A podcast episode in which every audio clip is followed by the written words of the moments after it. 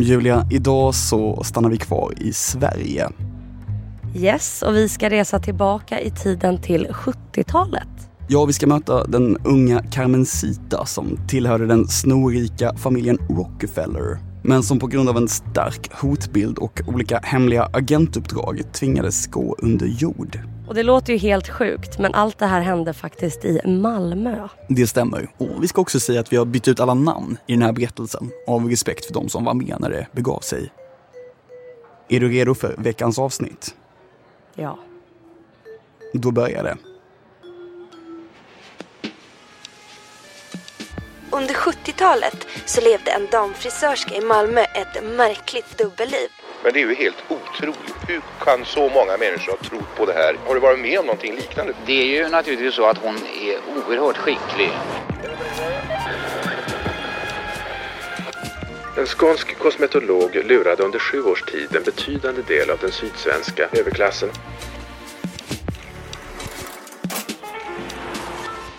Välkommen till Högt spel. En podd som handlar om bedragare som fört andra bakom ljuset eller antagit falsk identitet.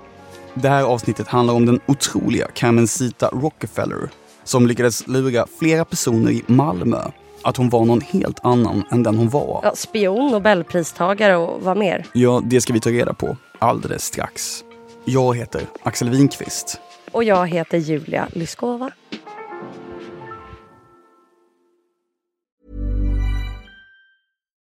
Since 2013, Bombas has donated over 100 million socks, underwear, and t shirts to those facing homelessness. If we counted those on air, this ad would last over 1,157 days. But if we counted the time it takes to make a donation possible, it would take just a few clicks. Because every time you make a purchase, Bombas donates an item to someone who needs it. Go to bombas.com slash ACAST and use code ACAST for 20% off your first purchase. That's bombas.com slash ACAST, code ACAST. There's never been a faster or easier way to start your weight loss journey than with PlushCare. PlushCare accepts most insurance plans and gives you online access to board-certified physicians who can prescribe FDA-approved weight loss medications like Wigovi and Zepbound for those who qualify. Take charge of your health and speak with a board-certified physician about a weight loss plan that's right for you. Get started today at plushcare.com slash weight loss. That's plushcare.com slash weight loss. plushcare.com slash weight loss.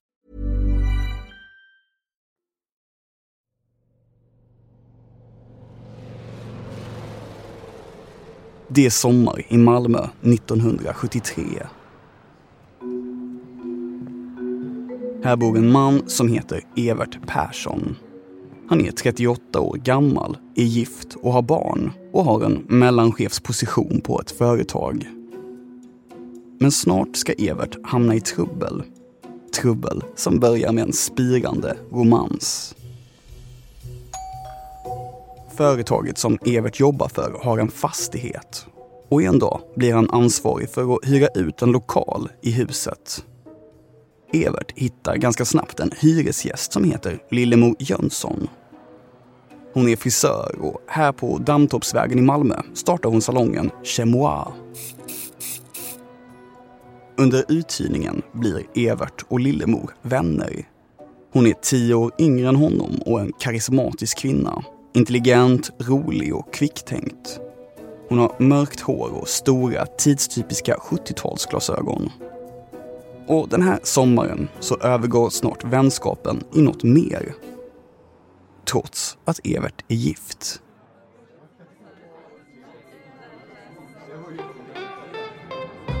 Evert och eh, Lillemor de är verkligen jättekära. De går på bio, teater, de besöker restauranger, de lånar en kompis lägenhet på Falsterbogatan. Den här lägenheten blir ett näste för deras fortsatta kärleksaffär. Och Falsterbogatan det ligger nära Folkets park så man kan också föreställa sig dem liksom strosar omkring där, har picknick i gräset. Allt är helt enkelt väldigt romantiskt. Evert tillhör Malmös militära societet. Han är reservofficer. Det betyder att om det skulle bli krig så har han varit med så länge i försvaret att han skulle bli befäl och få lov att bestämma över andra soldater.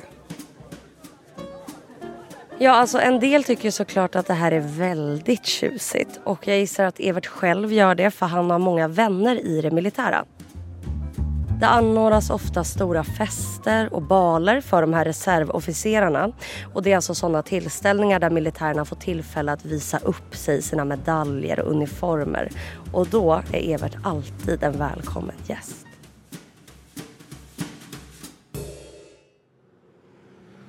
Det blir höst och Evert och Lillemor fortsätter strosa runt på Malmös gator medan löven blir gula. Och det är nu Lillemor börjar berätta för Evert om vem hon egentligen är. Ja, under hösten 1973 så avslöjar Lillemor en hemlighet för Evert Persson. Det är en hemlighet som skulle få vem som helst att tappa hakan. Den här damfriseringen det är bara en täckmantel. I själva verket så är hon mycket mer fin i kanten än vad alla Everts bekantskaper är tillsammans. Alltså jämfört med henne då är han bara en vanlig skånsk man som närmar sig medelåldern. Lillemor Jönsson avslöjar sitt riktiga namn för Evert. Egentligen heter hon Carmencita Capellane Rockefeller och hon är brorsdotter till den amerikanske affärsmannen och politikern Nelson Rockefeller. Rockefeller är en av världens rikaste och kändaste familjer. På 1800-talet gjorde de en förmögenhet på olja och sen har kommande generationer fortsatt göra affärer eller engagerat sig politiskt. Evert är till en början misstänksam. Vad i hela friden gör en Rockefeller i Malmö? Och varför arbetar hon bara som frisör på Dammtorpsvägen? Evert tvivlar. Och det är då Carmencita släpper nästa bomb. Lillemor, eller Carmencita, är i Sverige för att hålla sig undan sin exman som vill mörda henne. Evert befinner sig alltså nu i en kärleksrelation som skulle kunna bli en världspolitisk angelägenhet. Ja, alltså inte kunde han veta att Lillemor Jönsson i själva verket är en person med så nära kopplingar till liksom maktens korridorer. Men innan vi fortsätter måste vi kanske berätta lite mer om familjen Rockefeller.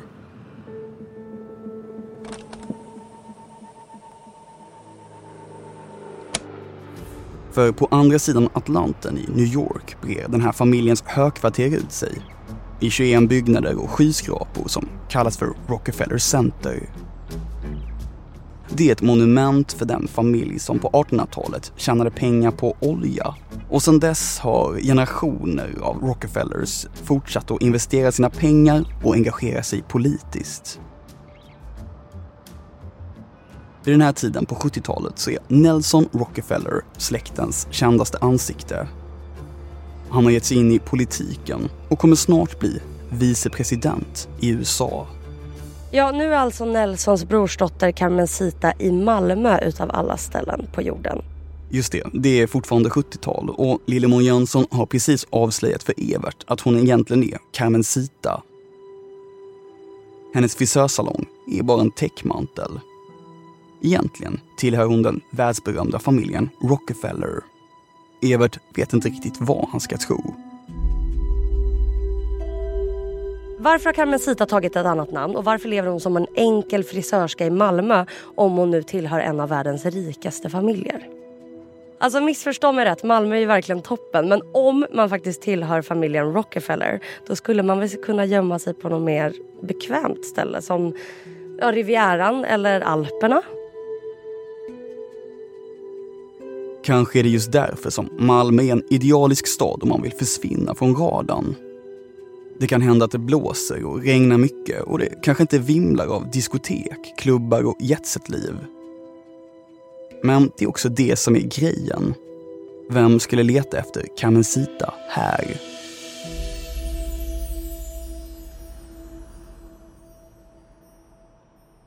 När Evert frågar Carmencita varför hon hamnat i Malmö berättar hon att hon håller sig undan i staden. Det finns nämligen människor i USA som vill henne illa och därför har hon bosatt sig i Malmö. Hon har fyra barn med sig till Sverige som hon har fått med en amerikansk läkare vid namn Ted Capellane. Och den här exmannen Ted, han är inte att leka med. Han vill nämligen se Camencita död. Carmencita är inte ensam i Malmö utan hon har med sig sin bror Bing. Han är en fyrstjärnig general som arbetar med säkerhet för den amerikanska ambassaden i Köpenhamn. Bing Rockefeller är också Carmencitas säkerhetsvakt. Carmencita och Bing lever tillsammans och han ser till att hon är skyddad. Både då från sin galna exman Ted som vill mörda henne men också från andra fiender. I och med att hon är en Rockefeller så riskerar hon ständigt att bli kidnappad. Och ganska tidigt i relationen får Evert träffa Bing. Det är en kväll på höstkanten i Malmö. Evert äter middag med syskonen på Savoy. Han beskriver syskonen som två underbara människor. Och om Carmencita säger han att hon är en förbaskat intelligent kvinna. Kärleken spirar.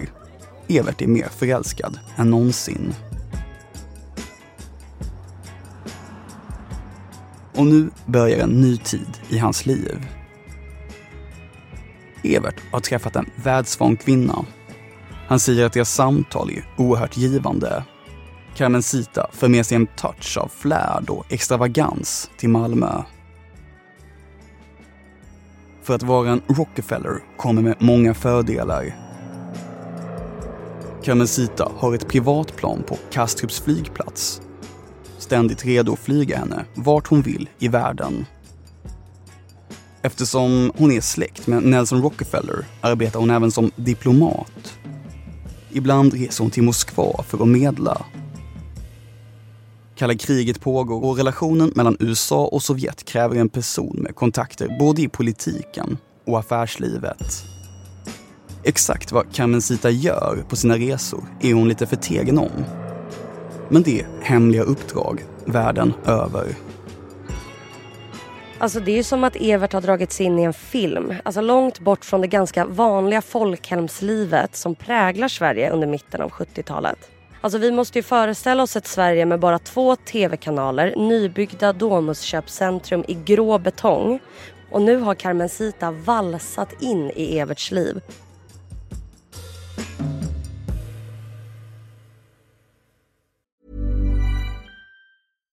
If you're looking for plump lips that last, you need to know about Juvederm lip fillers. With Juvederm Volbella XC and Juvederm Ultra XC, your lip look, whether it's subtle or bold, can last up to one full year with optimal treatment and no additional maintenance. Find a licensed specialist and see if it's right for you at juvederm.com today. That's J U V E D E R M.com. Add fullness to lips in adults over 21 with Juvederm Volbella XC or Juvederm Ultra XC. Do not use if you have severe allergies or a history of severe allergic reactions, or if you're allergic to lidocaine or the proteins used in Juvederm. Tell your doctor if you have a history of scarring or taking medicines that decrease the body's immune response or that can prolong bleeding. Common side effects include injection site redness, swelling, pain, tenderness, firmness, lumps, bumps, bruising, discoloration, or itching. As with all fillers, there's a rare risk of unintentional injection into a blood vessel, which can cause vision abnormalities, blindness, stroke, temporary scabs, or scarring.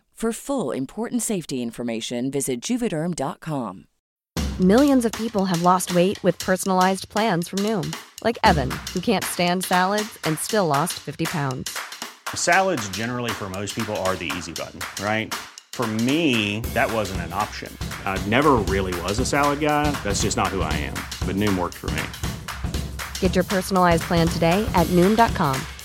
Real Noom user compensated to provide their story. In four weeks, the typical Noom user can expect to lose one to two pounds per week. Individual results may vary.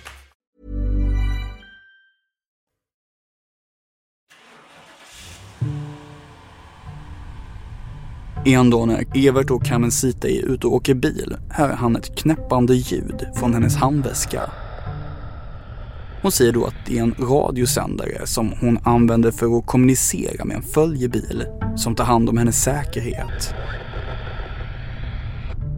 Bing har fixat så att hon har några fler amerikanska livvakter som följer efter henne på avstånd.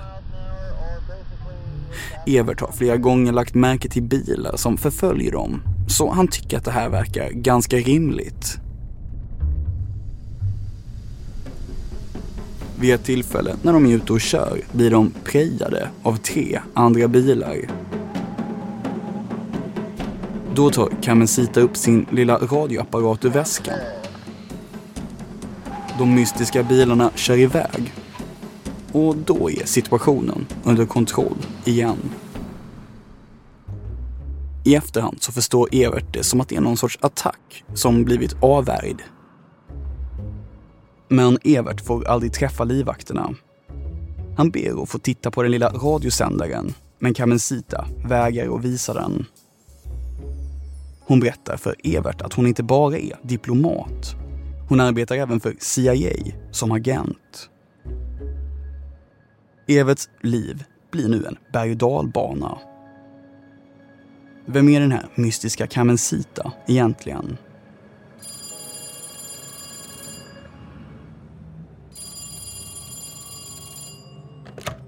En dag på hösten 1973 får han ett fasansfullt samtal. Det är Bing som berättar att Carmencita blivit kidnappad. Evert blir ju utom sig av oro men Bing säger att hans säkerhetsstyrka jobbar på det och efter en tid så är Carmencita tillbaka som om ingenting har hänt. Evert är lättad och om man får gissa säkert väldigt omskakad för det måste ju kännas ganska tufft att dras in i det här livet där liksom ens flickvän lever under ständigt hot. Carmencita har nu dragit in Evert helt och hållet i sin värld. Det händer att hon och Bing ringer till Evert och säger att han måste vara beredd på att fly att han måste ha sin väska packad så att de när som helst kan bege sig till Sturups flygplats och lämna landet.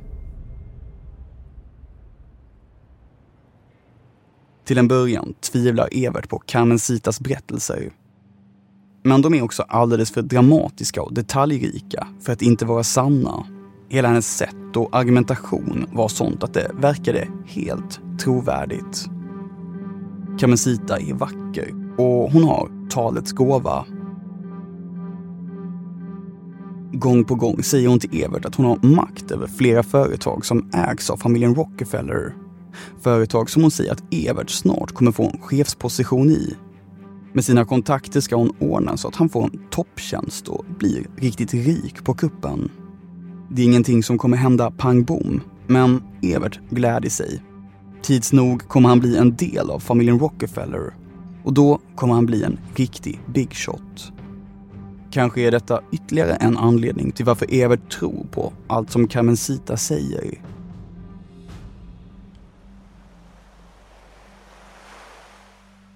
–1974 så gör Evert och Carmencita en resa till Göteborg. På ön Särö så pekar Carmencita ut en villa som hon säger tillhör hennes mamma. Det är ett av familjen Rockefellers sommarresidens. Alltså de har ju flera ägor och lyxiga villor runt om i världen. Evert frågade om inte de ska knacka på och hälsa men Carmencita vill inte det. Carmencita är ganska hemlighetsfull och privat av sig överlag. Det dröjer innan Evert får besöka hennes hem på Eriksfält i Malmö. Hon säger att det beror på säkerhetsskäl det är först i mars 1974, efter en bal med reservofficersföreningen, som Evert får komma hem till Carmencita. Det är en vanlig, ganska anspråkslös lägenhet i området Eriksfält. Inget fancy som skulle passa en Rockefeller. Men det är också en del av planen. Evert har alltså kärat ner sig fullständigt i Carmencita men hon har ju också en hotbild mot sig. Anledningen till att hon är i Malmö är ju den obehagliga exmannen Ted Capellane. Carmencita berättar mer och mer om sig själv för Evert. Bland annat säger hon att hon är barnbarn till den japanska kejsaren och därför betraktad som en kunglighet i Japan. Hon säger även att hon fött en dotter i USA som hon har fått med Ted Capellane. Dottern ska ha hetat Angelina men Ted var vid den här tiden så avundsjuk på Carmencitas framgångsrika karriär att han lät förgifta Angelina när hon var runt ett år gammal. Och dottern dör. Det är ett sorgset kapitel i Carmencitas liv. Evert får en tydligare bild över hotet från hennes exman och tröstar Carmencita. Ja, alltså det är mycket som är speciellt med den här mörkhåriga amerikanskan. Till exempel så talar både Carmencita och brodern Bing perfekt svenska, ofta med skånsk accent. Syskonen säger att deras föräldrar känt väldigt starkt för Sverige och att de under uppväxten har fått hemundervisning i språket. De förklarar sin skånska med att deras lärare kom från södra Sverige så att de har helt enkelt lärt sig att prata så från tidig ålder. Från och med nu är Bing nästan alltid med. Trion åker på semesterresor ihop och Bing följer med på fester med Everts umgänge från det militära. Det är generaler och officerare som går på baler och fina tillställningar. Bing som arbetar med militära frågor och säkerhetspolitik verkar trivas. Och det gör Carmencita med. Men det här är ju långt ifrån det glamorösa liv som syskonen levt i New York.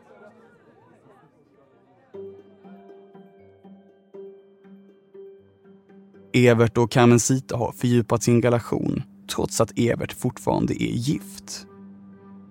1974 blir Everts svärfar sjuk i cancer och han behöver opereras.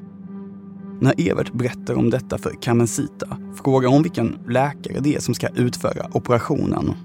När hon får namnet blir hon förfärad. Hon säger till Evert att du ska inte låta den här mannen operera din svärfar. Han kommer att misslyckas. Carmencita är nämligen inte bara diplomat och affärskvinna. Det här låter ju helt otroligt men Carmencita är professor i både medicin och kirurgi. Det är Bing också. Och ibland så måste de rusa iväg till universitetssjukhuset i Lund för att vara med och utföra svåra operationer. En dag så läser Evert i tidningen att en FN-soldat med en svår skottskada har blivit räddad av en läkare i Lund varpå Bing berättar att det är han som har utfört den här operationen. I tidningen så står det att läkaren heter något annat men det är bara av säkerhetsskäl, säger Bing. Både Carmencita och Bing har alltså medicinsk expertis. Och trots att det rör sig om Everts svärfar vill Carmencita hjälpa till.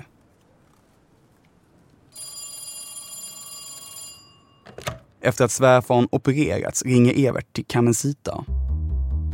Hon säger då att hon har fixat så att hon själv har fått utföra operationen. Hon har dessutom använt sig av en ny teknik där hon sugit ut infekterad ryggmärgsvätska och ersatt den med en annan vätska som hon uppfunnit själv. Ja, Evert blir rörd över att Carmencita valt att hjälpa till med operationen. Det är ju inte alls självklart att hon liksom vill hjälpa sin älskares frus pappa. Liksom. Samtidigt säger hon att den ordinarie läkaren som skulle ha behandlat svärfaren är mycket arg och avundsjuk på att hon fått genomföra operationen i hans ställe. Och därför har han skrivit sitt namn i journalen.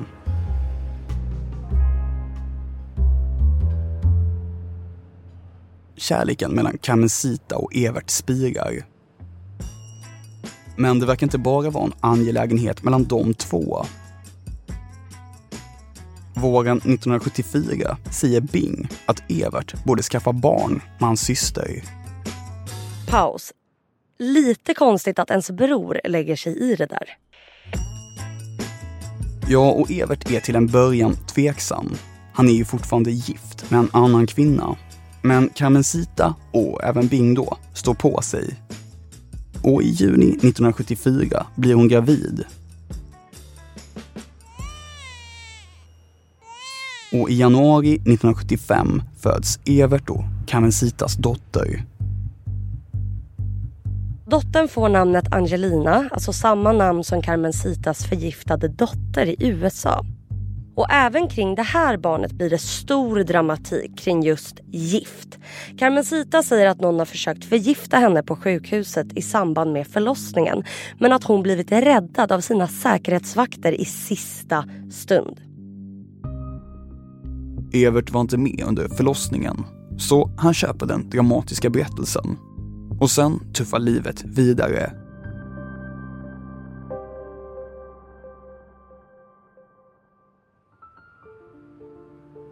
Carmencita gläder sig åt att bli mamma igen. Hon rullar barnvagnen över Malmös gator och Evert är också glad över det nya barnet. Men han är fortfarande gift. Bing går en promenad med Evert och säger att nu när han blivit pappa så måste han skilja sig från sin fru och förlova sig med Carmencita. Och det gör Evert.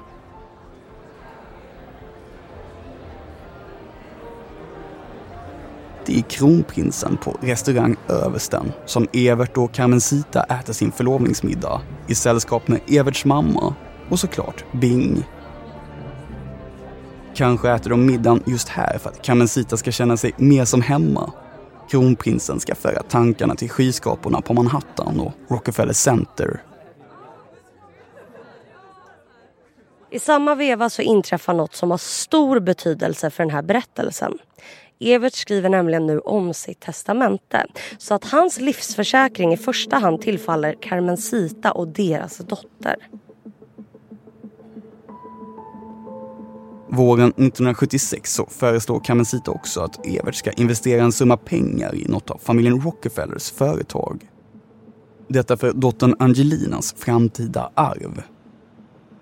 Och när Everts skilsmässa går igenom får han en summa pengar han tar ut 25 000 kronor i kontanter och ger dem till Carmencita. Det motsvarar ungefär 127 000 i dagens penningvärde.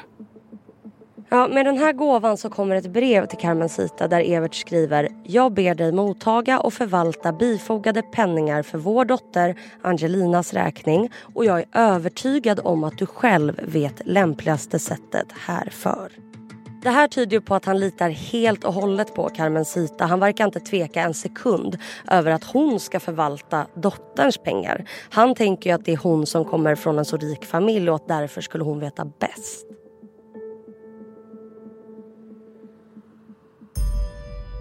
Vid ett tillfälle frågar Evert Kamensita i vilket av Rockefellers företag som hon investerat de 25 000 kronorna i. Men hon svarar då lite undvikande att han inte behöver bry sig om det. Hon tar hand om det. En tid efter det här börjar Evert och Kamensita planera en resa. Det har varit så mycket tumult med kidnappningsförsök, skilsmässor och barn. Så vore det inte skönt att komma iväg till solen tillsammans? I juli åker de tillsammans med Bing till Grekland Everts två söner och Carmencitas fyra barn är med. Och så nytillskottet Angelina såklart. Så det måste ha varit en ganska dyr resa. Att Carmencitas barn ibland råkar kalla Bing för pappa tycker Evert inte är så konstigt. De verkar inte haft någon annan fadersfigur i sina liv. Efter hemkomsten från semestern till Grekland så planeras en ny resa på en av militärbalerna så har Carmencita nämligen blivit bekant med Everts vänner. Det är en general som heter Bergstrand och hans fru. Carmencita och Evert ska nu åka till Amerika tillsammans med paret Bergstrand för att Carmencita ska visa upp sitt hemland. Sällskapet fixar alla papper, de packar sina resväskor och förbereder sig. Men bara några dagar före avresan inträffar en katastrof. Carmencitas bror Bing avslöjar då att han har en fru och dotter som nu omkommit i en bilolycka i New York. Carmencita och Bing är förkrossade och ställer därför in resan. Evert känner dåligt samvete för general Bergstrand och hans fru. Så han köper en resa till Italien som han säger att familjen Rockefeller ska betala för som plåster på såren. Detta gör Carmencita mycket upprörd. Hon vill inte alls att hennes familj ska betala för någon semester. Så det får Evert göra själv. Hon och Bing är upptagna med att sörja. Det händer flera gånger att de båda bryter ihop och gråter framför Evert.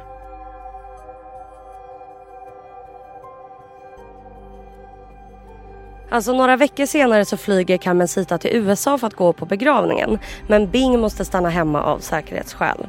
Han och Evert klär sig i sorgkläder och går till Östra kyrkogården i Malmö. Där sitter de tysta vid en minneslund för att hedra Bings fru och dotter. Efter den här händelsen distanserar sig Carmencita från Evert. Hon tillbringar allt mer tid i USA där hon kan ägna sig åt sin medicinska forskning. Hon jobbar på ett botemedel mot cancer, säger hon. Genom Bing får Evert uppdateringar om Carmencitas framsteg. Tydligen är hon nära att knäcka gåtan. Hon säger också att hon är en av personerna som låg bakom förra årets Nobelpris i medicin. Men trots att Carmencita arbetar på så avancerad nivå tvekar hon inte att hjälpa sina vänner. A lot can happen in the next three years. Like a chatbot may be your new best friend. But what won't change? Needing health insurance. United Healthcare Tri Term Medical Plans are available for these changing times. Underwritten by Golden Rule Insurance Company, they offer budget friendly, flexible coverage for people who are in between jobs or missed open enrollment. The plans last nearly three years in some states, with access to a nationwide network of doctors and hospitals. So, for whatever tomorrow brings, United Healthcare Tri Term Medical Plans may be for you. Learn more at uh1.com. Even when we're on a budget, we still deserve nice things. Quince is a place to scoop up stunning high end goods for 50 to 80% less than similar brands. They have buttery soft cashmere sweaters starting at $50, luxurious Italian leather bags, and so much more. Plus, Quince only works with factories that use safe, ethical, and responsible manufacturing. Get the high-end goods you'll love without the high price tag with Quince. Go to quince.com/style for free shipping and 365-day returns.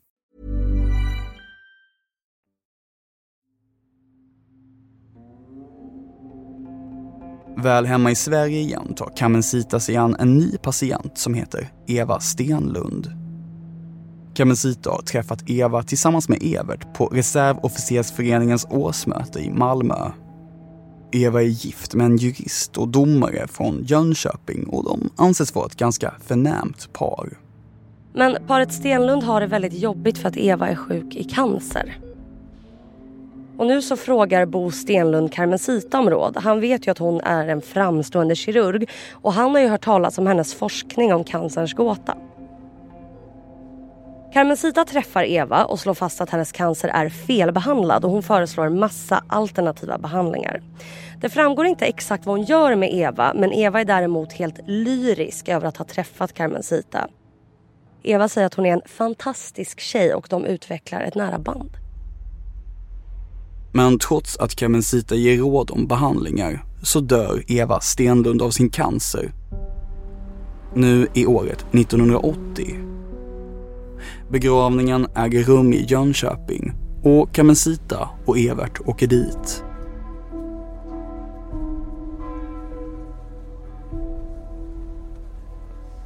Men på begravningskaffet hände något märkligt. Domaren Bo Stenlund, som alltså är en väldigt nybliven enkeman, säger till Carmencita att han är kär i henne. Ja, han säger till och med att han älskar henne. Evert är förvånad över sin väns beteende. Att han tillkännager sin kärlek till Carmencita på sin hustrus begravning. Och han vet ju dessutom att Evert och Carmencita redan är ett par, med barn och allt. I bilen på väg hem till Malmö försäkrar Carmencita att hennes kärlek tillhör Evert. Hon säger att det inte är något mellan henne och Bo. Mitt hjärta slår ja, ja för dig och nej, nej för honom, säger Carmencita.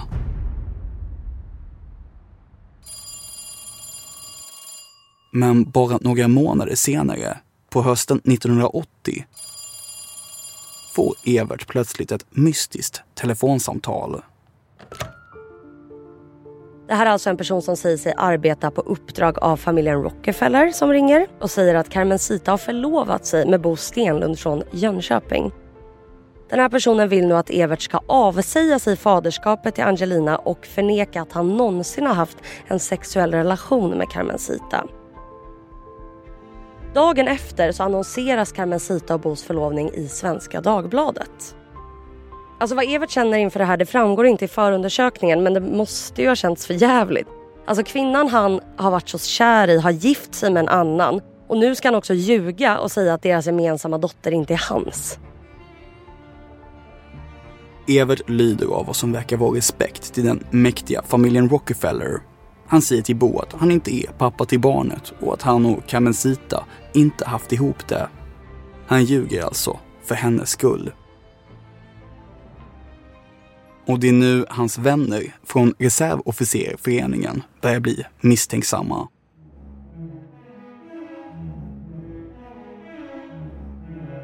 Genom Carmencitas nya fästman Bo får de återigen höra samma fantastiska berättelse om en kvinna som verkar i USAs politiska toppskikt samtidigt som hon forskar på cancer.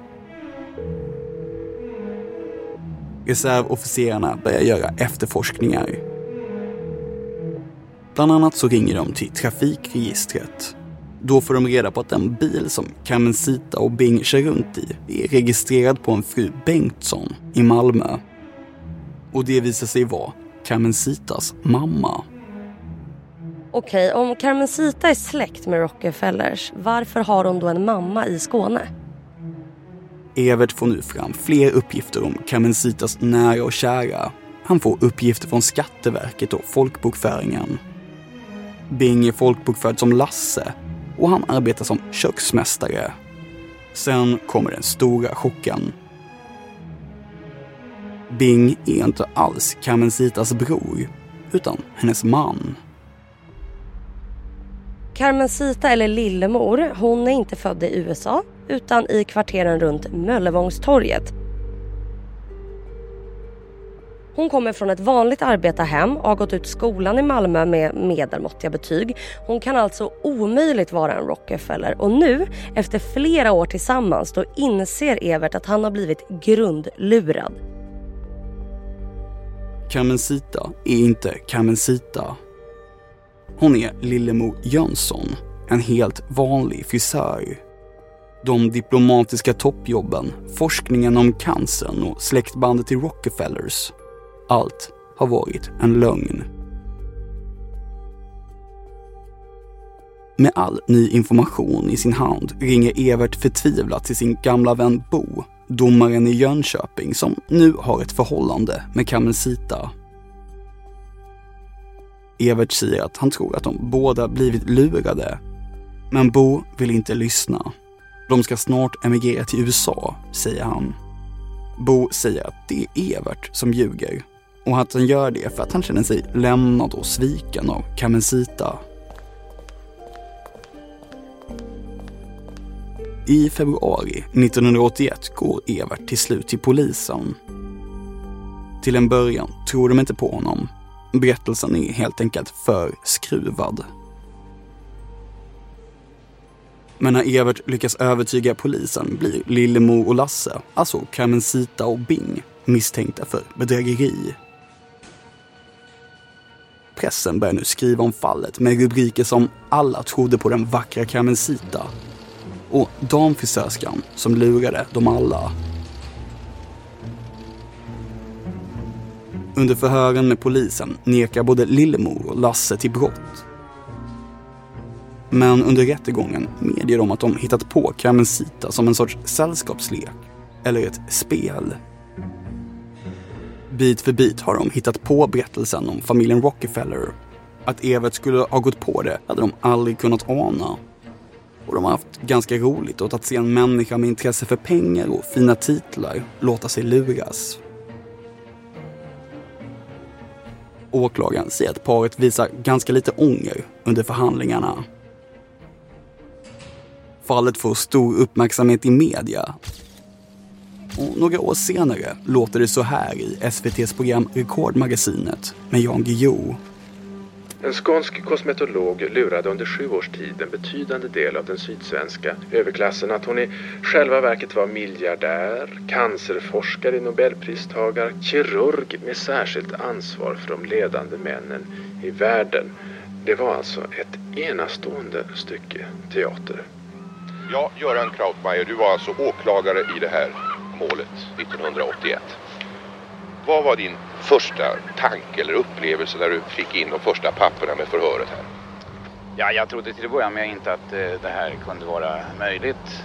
Det är ju naturligtvis så att hon är oerhört skicklig och, och eh, en eh, i sitt fack mycket begåvad människa. Hon har ju ingen utbildning, inga språkkunskaper och har ändå då på mycket hög nivå lyckats dupera så många. Och, eh, hon har en talang som skulle kunna utnyttjas på ett annat sätt kan man tänka sig. Ja, det verkar ju vara ett, ska vi säga, missriktat geni på något sätt. För att det är Ja. inte många som skulle klara av att hålla på på det här sättet.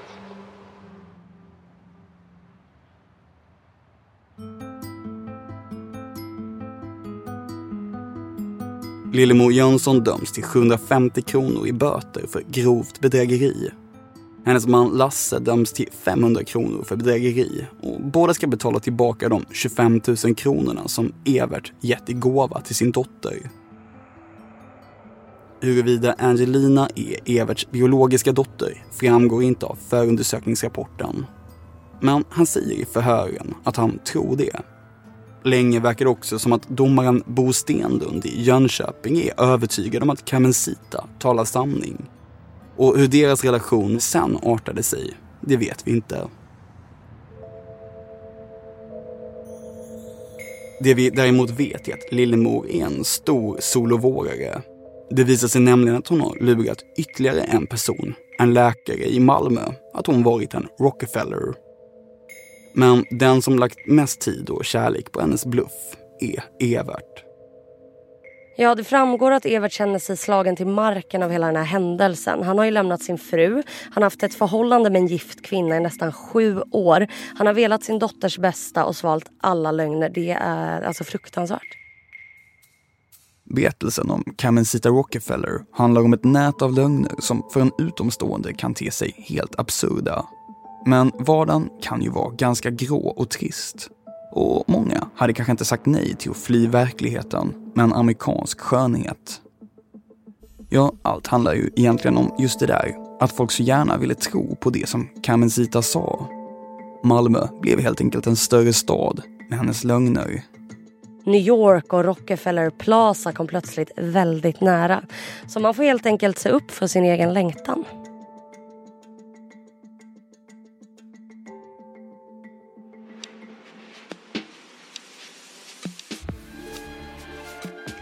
Du har lyssnat på Högt spel med mig, Axel Winqvist. Och med mig Julia Lyskova. Nästa vecka så är vi tillbaka med ett nytt avsnitt om en annan bedragare. Så glöm inte att prenumerera på podden så att du inte missar nästa veckas avsnitt. Under arbetet med det här avsnittet har vi framförallt använt oss av förundersökningen till det här fallet. Men alla namn är utbytta av respekt för de som var med när det begav sig. Programmet är producerat av Matilda von Essen och görs av produktionsbolaget Studio Olga.